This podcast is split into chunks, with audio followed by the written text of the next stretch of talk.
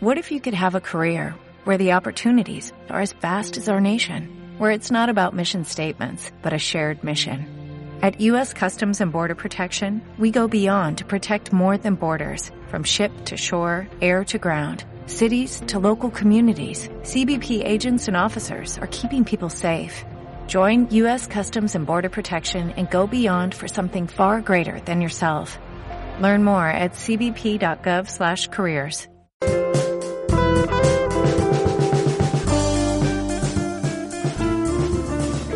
Cero Cero Gluten, el podcast sin gluten.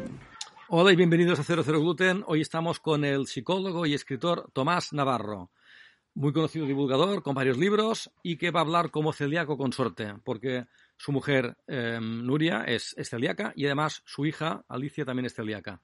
Hola Tomás, ¿cómo estás? Eh, bien, bien, bien. Gracias por invitarme aquí a Menorca, la mar de gusto. ¿eh? Estupendo, muchas gracias por venir. Eh, cuéntanos un poquito tu experiencia como celíaco consorte. sobre todo al principio, ¿tú conocías antes de que, de que Nuria fuese celíaca lo que era esto? ¿Sabías algo o no? No, yo no, pero ella tampoco. O sea, bueno, por supuesto. que era el tema de celiaquía. De hecho, eh, cuando ella se puso muy enferma y le diagnosticaron que era celíaca, y pensamos, ¿esto qué es? ¿Esto qué es? Y montamos una expedición a la Concagua pues para dar difusión y pues si había alguno más pues en su situación pues que pudiera salir. ¿no? O sea, ¿cuánto tardó en, en, en montarse lo de la Concagua después de que ella fuese? ¿Fue muy rápido? Fue muy rápido. En casa hacemos las cosas muy rápido. Ostras. Sí, fue muy rápido. ¿eh? Y eh, eh, estuvimos un año, buscamos celíacos pues para entrenarlos para ir a la Concagua.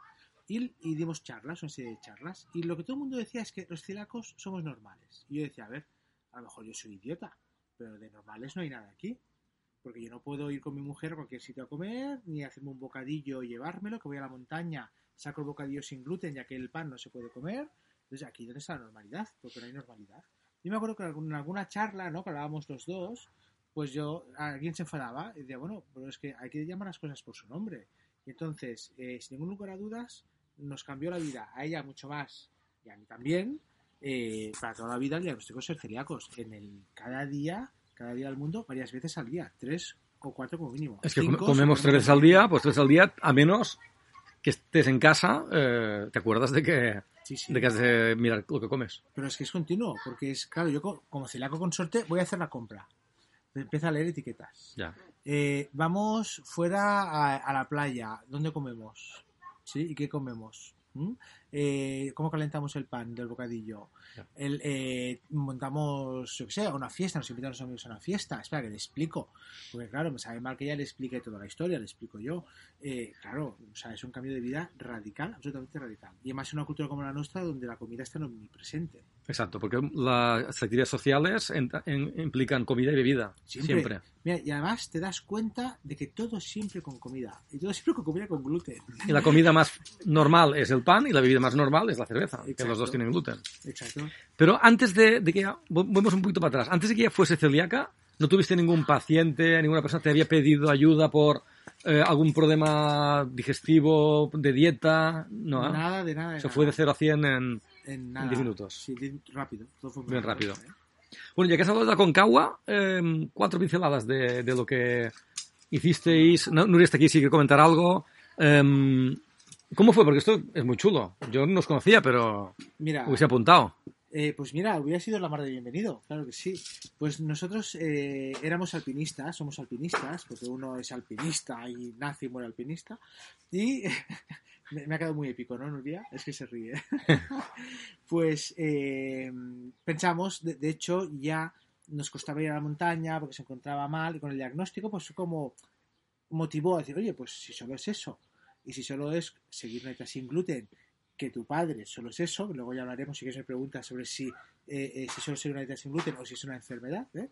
pues ingenuamente pensamos, pues ya está bien, ¿no? Dejar de comer gluten, está bien, a la montaña y montamos la expedición. ¿Por qué la Concagua y no al Everest o no a una montaña en África? ¿O ¿Por qué la Concagua? Mira, porque nosotros pensamos algo que sea fácil, y, y, pero que fácil, pero sea una montaña alta, tiene 7.000 metros, casi casi la Concagua, y pensamos ingenuamente también, éramos muy ingenuos en aquellos años, 2005, ¿no? hace 16 años, que habrían celíacos alpinistas. Entonces no había ni un solo celíaco alpinista. Con novatos no puedes ir al Everest.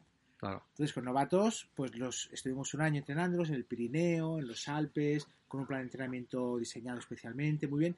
Y la Concagua, pues estuvo bien. Que a pesar de todo, estando nosotros allí, murieron tres personas. No, no de nuestro equipo, de otros equipos, de otras expediciones. O sea, que tiene su riesgo. Tiene- bien hecho. Claro, pero tiene mucho más riesgo una montaña más técnica donde hay que escalar Claro. con piolet y hacer pasos de hielo, eso es más complicado. En la Concagua al final solo es andar. ¿sí? Que no es poco, ¿eh? Porque a 7.000 metros andar Ya, ya. se complica. ¿Desde qué altura empezasteis la, la expedición? Pues mira, el primer punto era confluente, no, penitentes, que era la, ahí empezamos a dar penitentes. ¿Desde Argentina o desde Chile? Es, Argentina, Argentina, Argentina. Sí, y empezamos a dar en penitentes que yo creo que eran 3.000 y algo. Vale, y ya- casi 4.000 metros. Casi 4.000 metros, en un mes. No está mal. menos. ¿Y la comida? Eh, ¿Toda la comida que llevabais era sin gluten? ¿O cómo hiciste para llevar la comida? ¿O para, ¿Comíais por ahí? ¿Cómo se hace para comer en una expedición? Mira, un, un- lo mismo, somos normales, tu madre, normales. Tuvimos que fletar 800 kilos de comida sin gluten, que gentilmente Santiberi nos cedió gran parte de comida y otra que compramos nosotros. Y Desde España. desde España. En desde Argentina España. no había. Claro, no, no, ¿O no sabíais? no nos la podíamos jugar porque tú cuando estás en altura no, no comes como cuando estamos aquí al lado de una mesa. Entonces la comida es especial, que no había nada, pues tiene que ser calórica, apetecible, de fácil digestión y no podíamos ir a la aventura. claro. Y luego por otro lado también Y si Iberia, se pone malo, es más, más grave. Hombre, claro, claro, claro. Iberia nos patrocinó el, el flete, entonces bueno, pues bien, y llevamos pues un montón de bidones con comida, ¿no? Una vez allí fue un problema sacarla de la frontera porque no contábamos con la aduana, pero y subir hasta la Concagua fue un problema también con las mulas y tal, pero menos mal, porque si no, lo mismo, ¿eh? en el campo base, ¿sí? Sí, sí. Sí, sí, sí, ya sé cómo se hace. Bueno, contaminaciones, de hecho tú te contaminaron seguro. Pero sí, ¿Cu- sí, ¿Cuántos sí. celíacos había en la expedición? ¿Cuántas personas? Eran 11 personas y eran 6 celíacos y 5 de soporte. Vale. De soporte, pues para ayudarles a subir, mochilas, montar, porque ellos, ellos iban como señores. Entonces, bueno, para que no se cansaran con las tareas del día a día. ¿Y todo el mundo llegó arriba? Llegaron, mira, llegaron 6 personas, de las cuales creo que eran 4 celíacos y 2 no celíacos. Bueno, los Sí. celíacos ganaron. Mm. Eh, sí, sí, sí. Y además, eh, de hecho, normalmente en el Aconcagua se espera un 10% de, de cumbre de un equipo. Es decir, Hostia, entonces, muy buena la producción. Genial. Ratio fue buenísimo. expedición genial, histórica y, y yo creo que digna de estudio, porque insisto, estando allí murieron tres personas, que veíamos cómo tiraban los cadáveres por la montaña abajo hasta llegar al campo base. Sí. He visto que hay un vídeo, ¿no? De, de esto. En YouTube, si En buscan. Aconcagua sin gluten 2006, está todo el reportaje, porque luego hicimos un, un documental y, y lo compartimos en la Pondremos con el, con el blog eh, el enlace al YouTube y así pues Genial. verán un poquito de lo que hablamos. Perfecto, pues seguimos, seguimos. Volviste de allí y empieza la vida sin gluten, Sí, ya más normal, día a día. sí. ¿Qué tal el día a día? ¿Hay días buenos y días malos? ¿Días que puedes comer, que te dirías, ostras, yo me comería. No diría una croqueta, pero diría tal vez un bocadillo y, y no puedo? ¿O cómo hacéis? Era lo que, lo que más me costaba a mí, ¿eh? Los bocadillos. Sí, sí. Porque tú, te- tú como celíaca, también tú, te- aparte de él, tú te juegas la salud.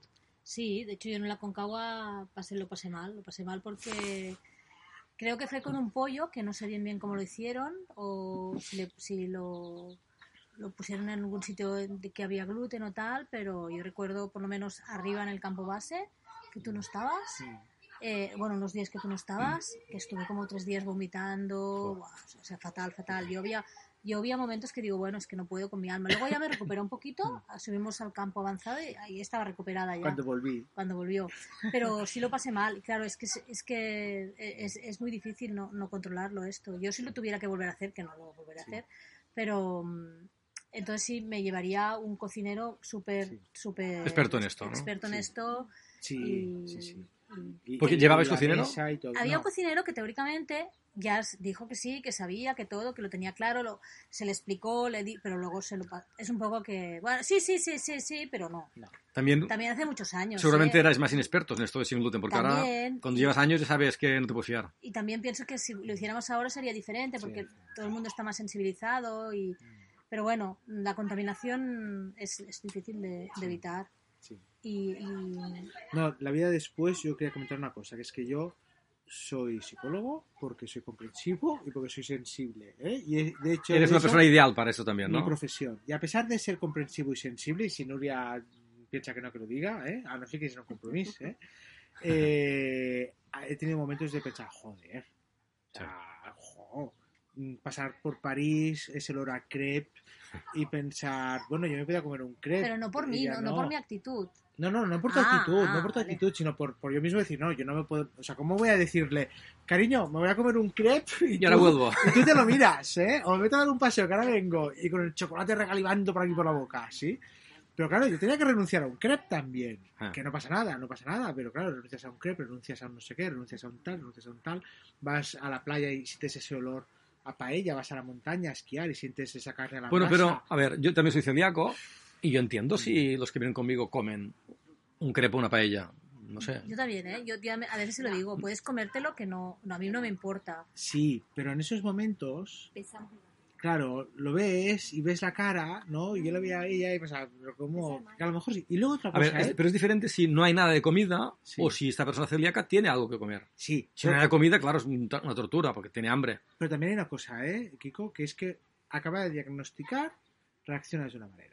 Y cuando ya llevas 5, 6 o 7 Ya años, estás hasta los... ya es diferente. Ah. Entonces nosotros ahora somos capaces de comer cosas diferentes y, y, pues estoy yendo fuera o, o ya conocen mis escapadas, que me voy a desayunar y me cojo un croissant de chocolate con un café con No. leche y, eh, y ella lo conoce y no hay ningún problema. Ah.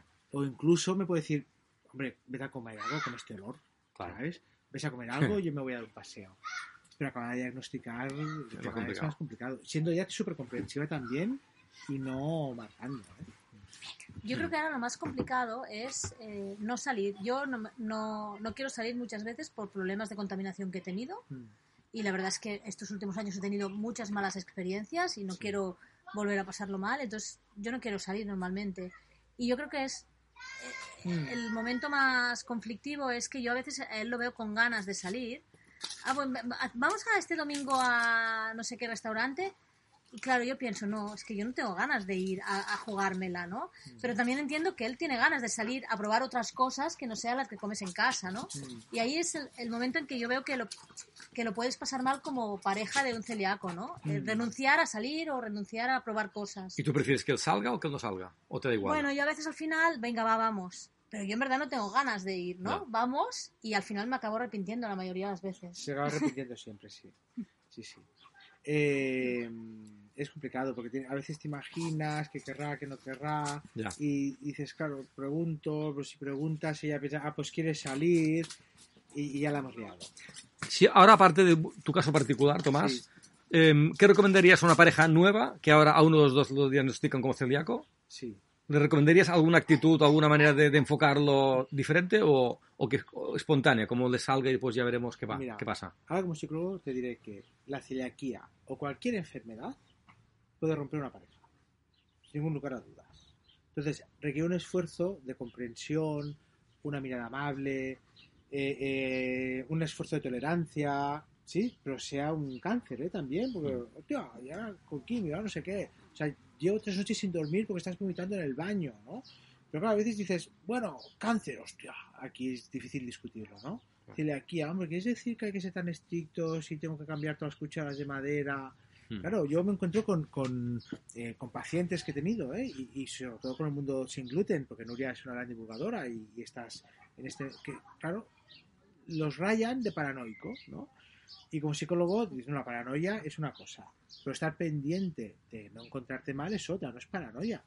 Pero sí que es una actitud como paranoica. O sea, no, no es que desconfíe de ti sin motivo, es que te puedes equivocar, se te puede olvidar algo, puedes. eh, es que a mí, siendo marido consorte, una vez le traje un paquete ¿eh? que era con gluten, que era aquello? ¿Una lasaña? o No, un wrap, era un wrap que estaba en un lineal de congelados, todo sin gluten. Estaba mal puesto. Ya estaba mal puesto aquello, y yo pensé que era sin gluten, ¿sí? Entonces, sabiéndolo, es muy fácil equivocarte. Entonces, no es nada personal, ¿eh? Para las parejas. Es que no confías en mí. Coño, sí que confío, pero es que... que- Pero hay que la etiqueta dos veces. Exacto. Entonces, yo hace poco compré eh, un sushi en un en- envuelto con una etiqueta sin gluten del paquete sin sushi y dentro de la salsa de soja ponía con gluten. Mm. O sea que, claro, no te puedes fiar, has de leerlo todo dos veces. Sí, sí, sí. Siendo que ella misma se ha equivocado también como celíaca. O sea que a veces Sí. ahora, ahora hay como anagramas que son, yo qué sé, sin glutamato, sin lactosa, sin no sé qué, sin tal, que parece mucho sin gluten. Y en el sec- sector sin gluten, pues puedes equivocar. Entonces, no es paranoia y una mirada amable. Porque tú lo pasas mal, porque no puedes comer fuera, pero lo está pesando mucho peor el celíaco. ¿no? Sí, sí. Y en el caso de que a unos padres les digan que sus hijos son celíacos o un hijo es celíaco, Sí. ¿cómo comportarse con ese hijo y cómo hacerlo diferente o no con los hermanos? Para que no haya así un poquito de, de problemas entre ellos, o que sean comprensivos. Sí. Mira, nosotros nos encontramos eh, eh, muchos chicos como excesivamente sobreprotegidos. Y de hecho la Concagua sirvió para que muchos padres dijeran, hombre, pues celíaco, yo podría la Concagua. ¿sabes? Ah, claro. No es celíaco, no es, yo qué sé. No es cojo. no es- Exacto, no tiene ningún problema más. Pero sí que es cierto que con un hijo celíaco requiere de unos cuidados y una atención especial. Y esto es como pues si tienes un hijo que va con silla de ruedas, ¿no? Pues el resto de niños pues, "Jo, es que a él siempre le vas empujando la silla. Bueno. ¿no? Tiene una característica que requiere de una asistencia. ¿sí? Entonces, con la comida, pues hay un problema que requiere de una asistencia especial. Y claro, como no es algo evidente, no es una silla de ruedas, como que minimizas. Va, no va. No pasa no sea tanto. No, pues muy serio. Vuelvo a lo de antes. En aquella época de diagnóstico decían que era una intolerancia. Y Nuria siempre mataría decía, no, es una enfermedad. Y celíacos decían que no es una intolerancia, y que no, que es una enfermedad. Ahora ya estamos de acuerdo que es una enfermedad. ¿Por qué? Pues porque el sistema autoinmune funciona mal, hay complicaciones, cada, cada contaminación no sabes lo- cómo puede afectarte de más mayor, ya no con un cáncer o un linfoma en el intestino, sino simplemente pues porque el sistema mm, autoinmune se ha vuelto loco y de repente pues aparece un tiroides, una diabetes, un no sé qué. Entonces hay que andar Sí, con mucho cuidado y ser súper estricto. Muy bien. Eh, o sea que también eh, esto nos hace concienciar a los que nos escuchen de familiares de celíacos de, y celíacos mismos que no hay que hacer transgresiones nunca, cero. ¿vale? Mira, y esto es como con los dulces. Eh, si tienes dulces en la nevera, te los comes, ¿no? Claro. si estás a dieta. Si no hay, es más fácil. Si no hay, más fácil. Si tú como consorte celíaco estás facilitando una transgresión, Al final puede producirse. pues puede producirse. Sí. Si como consorte celíaco estás facilitando alternativas, y esto lo digo mucho, no le digas a tu pareja o a tu hijo, no puedes comer esto. Dile, mira, tengo esto que te irá bien. Ajá, ¿Sí? Exacto. En Entonces, hay que tener algo preparado. Sí. ¿no? Entonces, no puedes comer macarrones. No, esta noche te hago macarrones. Ajá. ¿Sí? Pero de especiales. ¿vale? Exacto. Pero el- lo que no pueden hacer ya lo saben. Pero hay momentos que es la tormenta perfecta en la que no controlas, porque estás, tienes ansiedad, mm, estás agobiado, no sé qué, y comerías cualquier cosa. O tienes hambre, estás fuera, son las 5, no has comido nada, y de, venga, ¿sí? Entonces ahí el papel de la pareja puede presionar y desembocar, o ayudar y controlar. Yo conozco casos de chicos, chicas eh, que de pequeños han sido diagnosticados, han llevado bien la dieta. Cuando llegan adolescentes, los donuts están buenos y prueban los donuts o prueban algo. Eh, ¿Se puede hacer algo? ¿Se puede evitar? Yo creo que tienes que localizar la tienda con productos sin gluten más buena que tengas en el barrio, ¿sí? O aquella que haga envíos por mensajero y dotarte de una, eh, de una despensa, ¿sí? Estar preparados. Pues oye, no hay que comer donut siempre, pero si va a comer un donut, que sea un donut sin gluten bueno, que no un donut, eh, un donut con gluten, ¿sí? Entonces, tener preparadas pues algunos recursos, ¿eh? pues no va mal. O patatas fritas, ¿no? Sí. Pues que le puedas preparar una bolsa de patatas fritas. es, ¿Salgo fuera? Pues mira, llévate esto. Sí. no Llevas con- preparado ya tienes una cosa Sí. Luego también es importante la presión de los amigos. ¿eh? Ajá. Que hay amigos que son comprensivos y amigos que no. Yo me pregunto, ¿los que no son comprensivos son amigos? Tal vez no. Y esto tratarlo con adolescentes es complicado, mm, pero claro, si al final pasan de ti y no tienen en cuenta tus necesidades, es como, vuelvo al ejemplo de las sillas de ruedas. Si siempre van a la piscina, a una piscina que no es adaptada, que hay escaleras y tú no puedes ir, pues a lo mejor tienes que buscar con tus amigos, Sí. que no pasa nada, no es tan trágico. ¿sí? Sí, sí. Bueno, a mí me va bien cuando voy con otros amigos con sillas de ruedas, con otros celíacos, con otros celíacos, y también beben mis cervezas o tal, pues a mí psicológicamente me va bien me- de vez en cuando compartir alguna experiencia. Mm, Que tengo pocos amigos de mi edad y tal, pero alguna vez que quedamos, pues sí que noto, mm, no sé, más comprensión, seguramente. Sí. Pensar que el objetivo de los consortes y padres, abuelas y tal es no complicarle más la vida a los Ujú. que ya es bastante complicado. Vale, y el problema económico, que, que puede haber familias que les cueste más el poder comprar co- productos sin gluten que son caros. Sí. Eh, aquí, claro, es más difícil porque ya complicas el tener la despensa preparada, tener productos, pues sale más caro ser celíacos. Mira, Nuria siempre me dice, pero eh, ¿en qué se nos ha ido el presupuesto? Digo, pues en la comida. La, la partida mayor es de comida.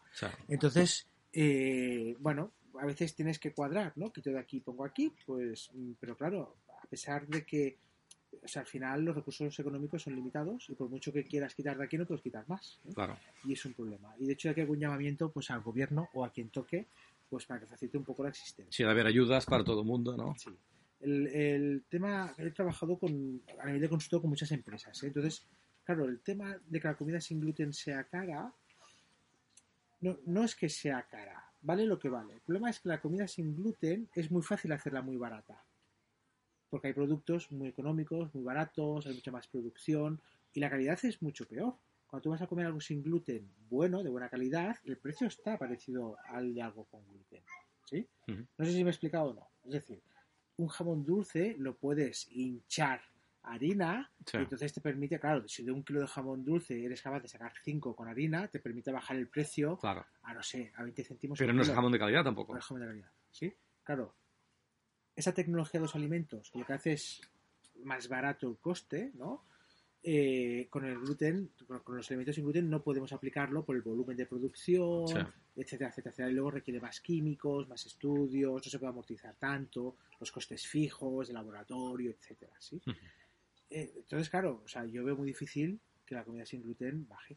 Sí, sí. No, yo, yo creo que la solución no es que baje, sino que los celíacos tengamos una ayuda. Una ayuda de unos, yo qué sé, 100 euros al mes, pongamos, por decir algo. Y esto también favorecería pues que la gente salga más, los restaurantes les interese más tener productos sin gluten porque irían más celíacos a cenar, Mm. eh, etcétera, ¿no? Sí, sí, sí. De hecho, como consorte también os diré que donde va Nuria voy yo. Entonces, si ya sabe que a un restaurante bien y no le van a contaminar, pues voy yo. Cuando vienen amigos, ¿dónde vamos? Vais todos juntos A ese promocionáis estos Cuando restaurantes. viene la familia, ¿dónde vamos? A este restaurante. Entonces, hay que ser un poco amplio de miras. Sí, sí. No sé si el público tiene alguna pregunta que quiera hacer. Hoy tenemos público. Si alguien quiere hacer una pregunta, aquí tenemos a Tomás, experto.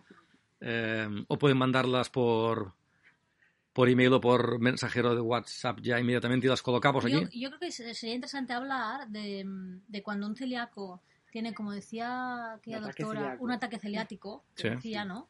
Cuando has acumulado ansiedad, por, pues, pues porque, porque a lo mejor llevas un día de que has pasado por un, una pastelería que olía súper rico y luego además, no sé, bueno, no, no has podido comer aquello que querías y estás con ansiedad, Mm. eh, esto acostumbras a, a, a volcarlo cuando llegas a tu casa, ¿no? Sí, O cuando llegas pues con los, con los que te rodean. Y entonces, bueno, pues cómo gestionar esto, porque encima el celíaco se pone borde, Hmm. que eso, eso pasa también.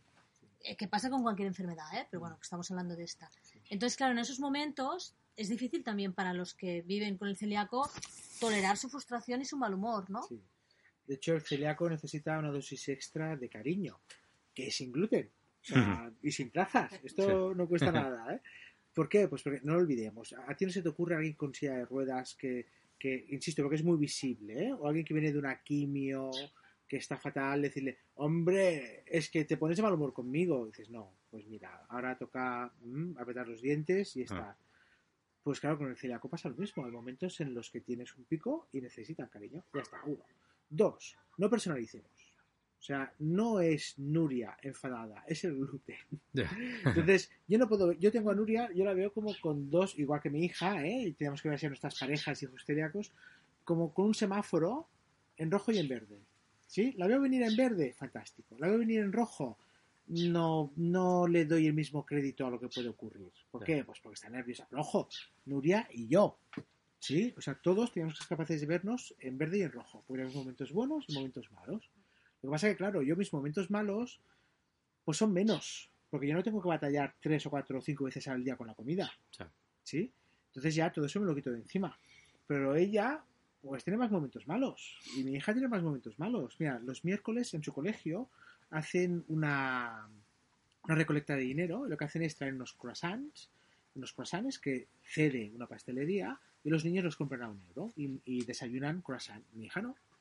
Entonces los lunes, ay, los miércoles viene de más mal humor. Le recuerdan que ella no puede. Claro, viene de más mal humor y hay que gestionarlo diferente, ¿sí? Entonces, poder poner en contexto de que no soy yo, es ella, que está en rojo y que pues bueno, va, este miércoles pues, vamos a merenda, ¿eh? vamos a una merienda especial. A lo mejor nos vamos a un sitio. Tú das una sorpresa hacer- o una, una compensación, ¿no? Exacto. Entonces, cuando puedes ir al origen del problema, ves al origen.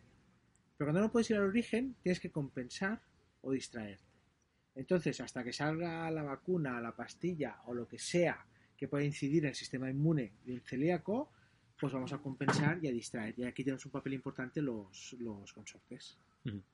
¿Los medios de comunicación podrían hacer algo más para divulgar, para dar que lo entendamos mejor, sobre todo la gente que no, no lo ha vivido, para que no metan la pata los amigos? O... Mira, dicen que son el cuarto poder, yo creo que es el primero. Sí. Entonces, eh, claro, el- el- si alguien ha escuchado este podcast, ya tiene algunas cosas claras, seguro.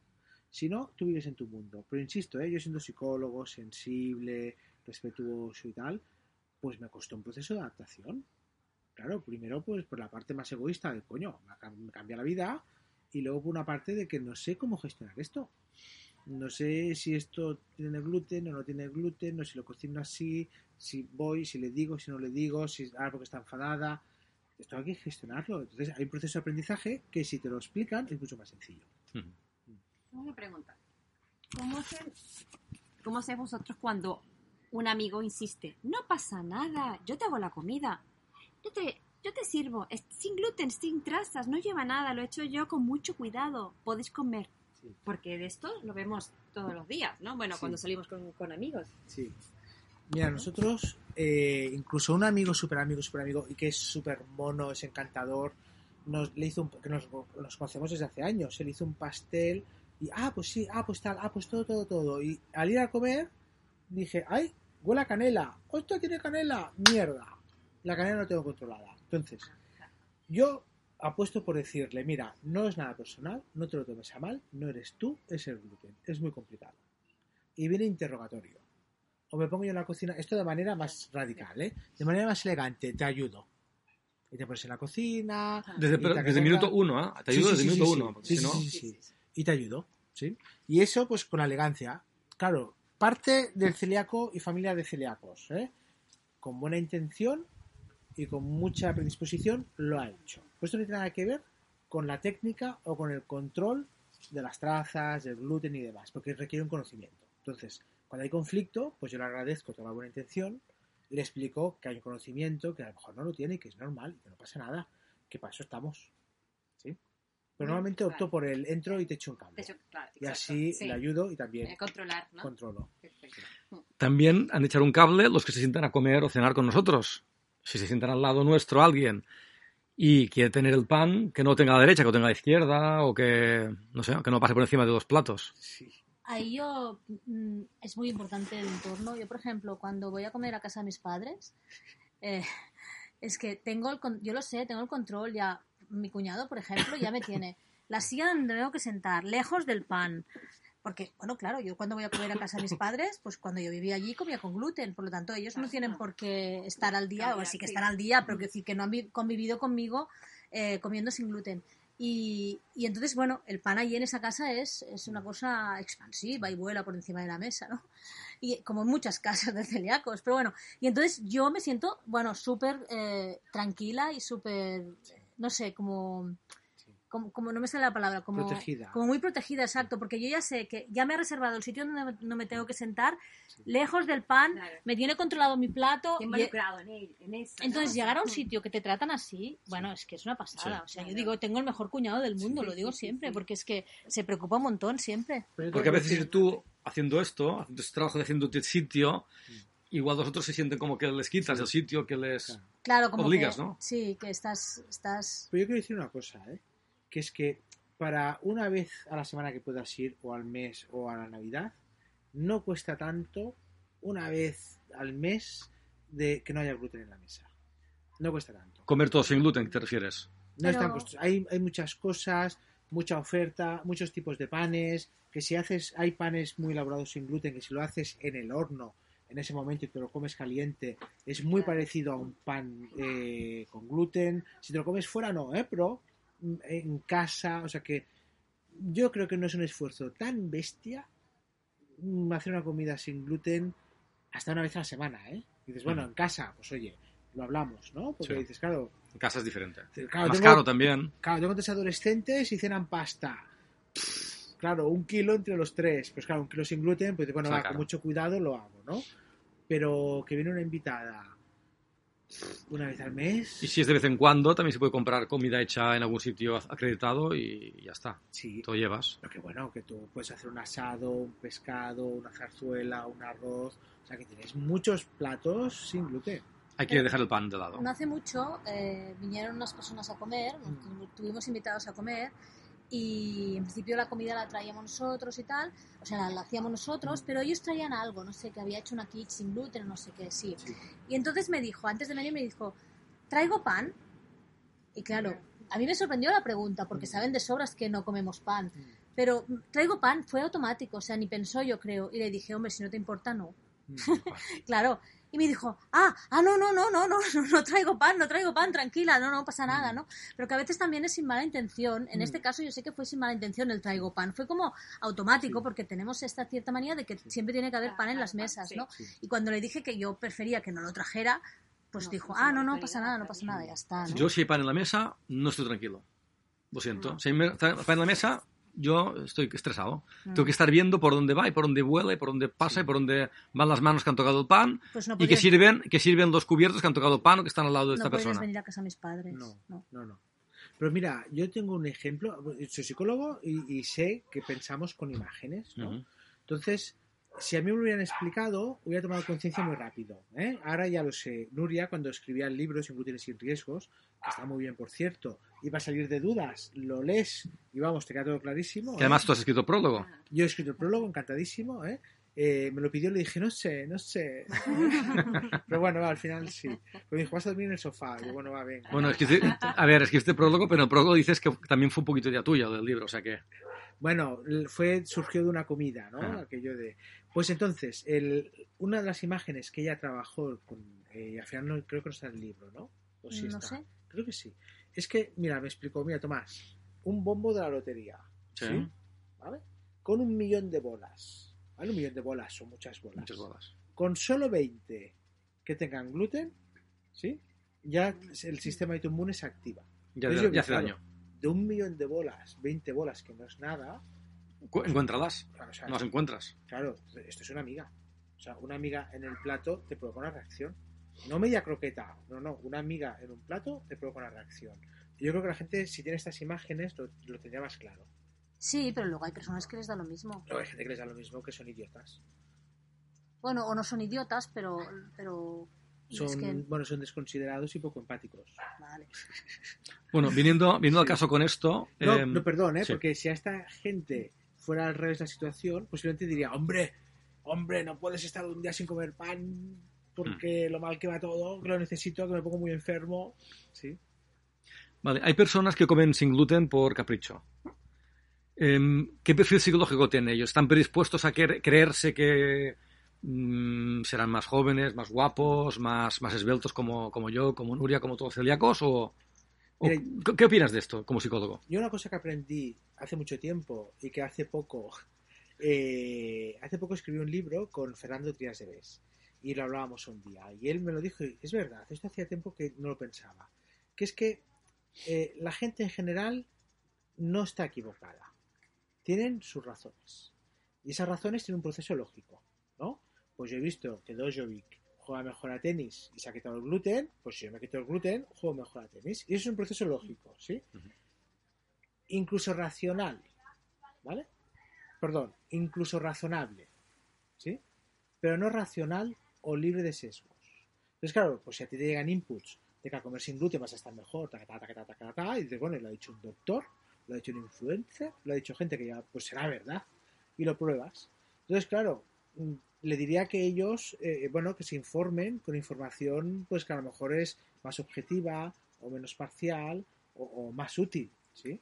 Porque los últimos estudios, puestos a hablar, eh, que está aparece en el libro, o sea, no juegas mejor sin gluten, no te adelgazas sin gluten, no estás más guapo sin gluten, o como mínimo no hay datos concluyentes que digan que sin gluten está más guapo. Entonces, mm, Si no, bueno, más guapos del mundo, todos mises y mises del mundo serían celíacos, ¿no? Y no, no creo que sea el caso. Bueno, igual habrá alguno. Lo que sí que ocurre es que, claro, si tú tienes, cuando tú dices, voy a, quiero mejorar, ¿no? Y vas a alguien y te dices, sin gluten vas a mejorar. Claro, ¿qué es lo que hace? Pues te quita el gluten y tú pues dejas de comer las pizzas de los viernes, eh, eh, los bollos del desayuno y lo sustituyes por, por una torradita con un quesito blanco y un, y, ¿eh? y un poquito de aceite. Estoy mejor. Bueno, no estás mejor porque te has quitado 2.000 calorías al día y ultraprocesados. ¿sí? No porque quites el gluten, es porque quitas Exacto. comida no sana. Pero la prueba es muy clara porque ya en el libro lo explica muy bien. Si tú, ¿eh? o sea, todo lo que yo puedo comer en un día, ¿eh? Con, de hecho, por un ejemplo de una persona que va a comer a un restaurante, ¿eh? y come pues unos canelones con, o sea, sin gluten. Y luego viene un codillo en salsa sin gluten. Y pide pan sin gluten y lo moja. Y luego se toma de postre una magdalena sin gluten con un café. Al final, ese equivalente de sin gluten a con gluten de productos específicos acaba siendo mucho más guarro que el con gluten. ¿Por qué? Pues porque tiene más aditivos, Sí. para conservar sustancias. Además, claro, si vas a comer exactamente lo mismo, pero sin gluten, Es, es peor. o sea, vas a estar con peor salud, seguro. ¿Sí? Ahora que eliminas el gluten de manera natural y comes más pescado, más verdura, más fruta, más, más cereales no ultraprocesados, pues vas a estar mejor, seguro. Claro. Ujú. Sí, sí, muy bien. Está claro. ya, porque estoy hablando de cosas del libro de Nuria que no, que puedes explicarlas tú. No, pues sí, sí. ¿Sí? Vale, ¿sí? ¿Correcto o no? Mm. Bueno, podéis escuchar a Nuria y a Eli Mora en otro podcast anterior, donde ya hablaron del libro Largo Entendido y tenemos también una, una charla que dio Nuria en, en Ferrerías, en, en, en Menorca, aunque sea en catalán, pero bueno, también, también lo tenéis en el podcast en un programa anterior. Bueno, Tomás, ¿alguna cosita más que te gustaría comentar o, o lo dejamos? ¿Cómo, Yo- cómo ves? Yo me gustaría que los consortes eh, desarrollaran esa mirada amable con los celíacos que lo pasan mal y que no es elección. eh, que sean conscientes de, lo frágil que es el sistema inmunitario y cómo una intoxicación por esa miga, esos 20 partes por millón, lo puede despertar una reacción autoinmune y complicarlo todo. Y también que estén bien informados y que vayan a fuentes, eh, a fuentes buenas. Y afortunadamente el libro de Nuria y Eli pues hicieron un trabajo de investigación enorme y doy fe porque lo veía en casa allí con las gafas mirando no sé qué buscando y esto pero este estudio es de hace un mes. Y de coño pues hace un mes ay a ver si hay algo más reciente no que, eh, que lean sin y sin riesgos que es un re- un recuy no una recopilación objetiva al día y que les va a ayudar mucho pues a ver qué pasa cuando comes con gluten, cuando hay intoxicación, los aspectos psicosociales que son básicos y son tabús y nadie los toca hasta que ya los ha tocado. De hecho, oye, y, y el celíaco a lo mejor puede estar deprimido, puede sentir estrés. No, no, no tu padre. Claro, cada día no puedes hacer lo que quieres, esto genera estrés. Entonces, todo ese aspecto psicosocial, que no ya explica muy bien, creo que merece la pena leer el libro eh, y, y salir de dudas. Y además, colaboran con la investigación en sin gluten, ¿no? Sí, porque Sí. Los, los libros que se compran a través de la Asociación de Cataluña Y hay de un Madrid. tanto, y, de, Madrid también hay un tanto por ciento para investigación, que Sí. esto nos beneficia a todos. Mm. Sí, sí. Que son como 4 o 5 euros por libro, o sea que no es poca cosa. ¿eh? No es poca cosa. No, no es poca cosa. Sí, sí. Y entonces los celíacos con suerte también se deberían leer el libro, ¿no? Mira, ojalá yo hubiera tenido ese libro el día que le dieron el diagnóstico. De hecho, Claro. me hubiera venido el doctor, ¿eh? Mira, es celíaca, el certificado de celíaca y este La libro receta y el para que libro. te lo leas. Ajá. Buah, nos hubiera cambiado la vida un montón. ¿Sí o no? Sí, sí, sí. Sí, sí, sí. Bueno, que es una de las cosas que siempre comentamos, que, que deberían tener los celíacos más, más soporte, más, más seguimiento y, y en, en este sentido, tanto a nivel médico como a nivel psicológico, Sí. para él y su familia. O sea, estamos Sí. hablando de los consortes, pero bueno, Sí. lo que hablábamos ahora padres.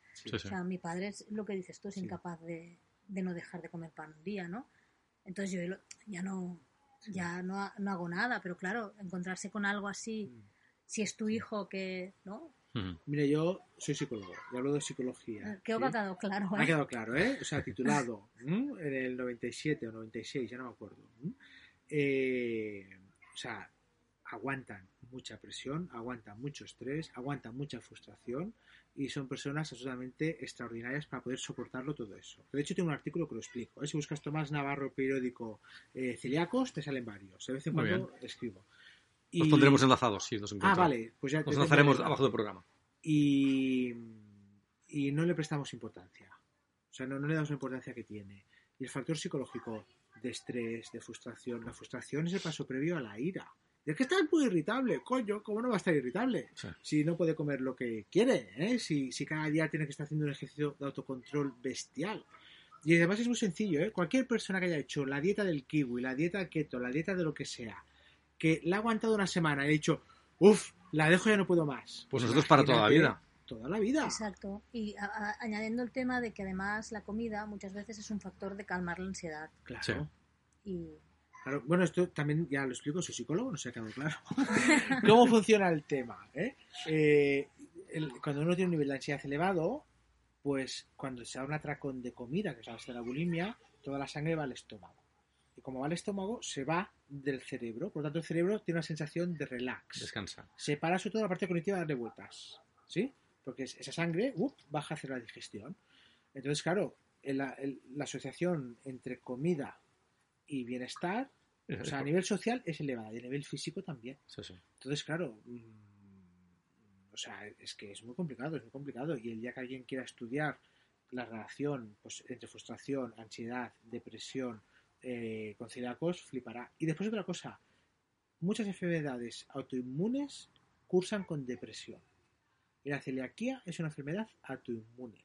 Y ahí hay que investigarlo con calma. Puede haber celíacos que sean, se- sean depresivos culpa de la celiaquía. Sí, la comorbilidad de la depresión con autoinmunes es ampliamente conocida pues en Parkinson, en diabetes, en tiroides, en muchas enfermedades autoinmunes, en, en- en- en muchas. Entonces ahí hay terreno que investigar. Ya sabemos cómo funciona el intestino de sobras, pues ahora vamos a investigar cómo podemos ayudarnos a nivel psicológico, Sí, sí. ¿no? Muy bien, estupendo. Hay, hay libros que escribir por- de esto, ¿no? Hay libros que escribí, toma ya sermón sobre la psicología y el...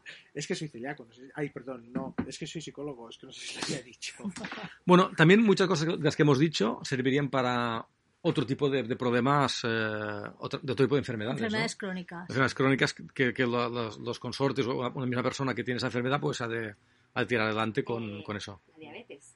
Mm. Mm. La diabetes. es- lo digo porque yo eh, fui, eh, tuve diabetes gestacional y la verdad que la pasé muy, muy mal.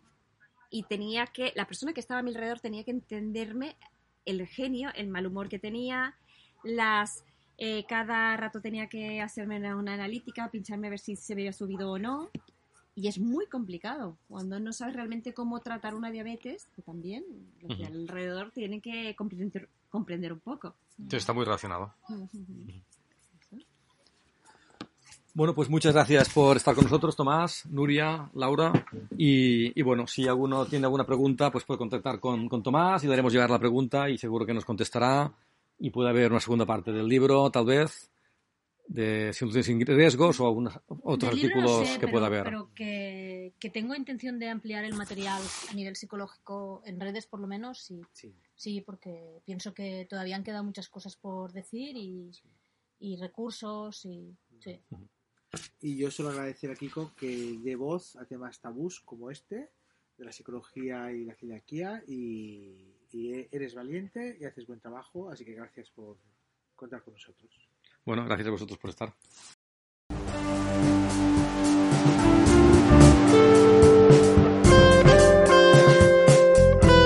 Cero Cero Gluten, sin gluten, ni mercado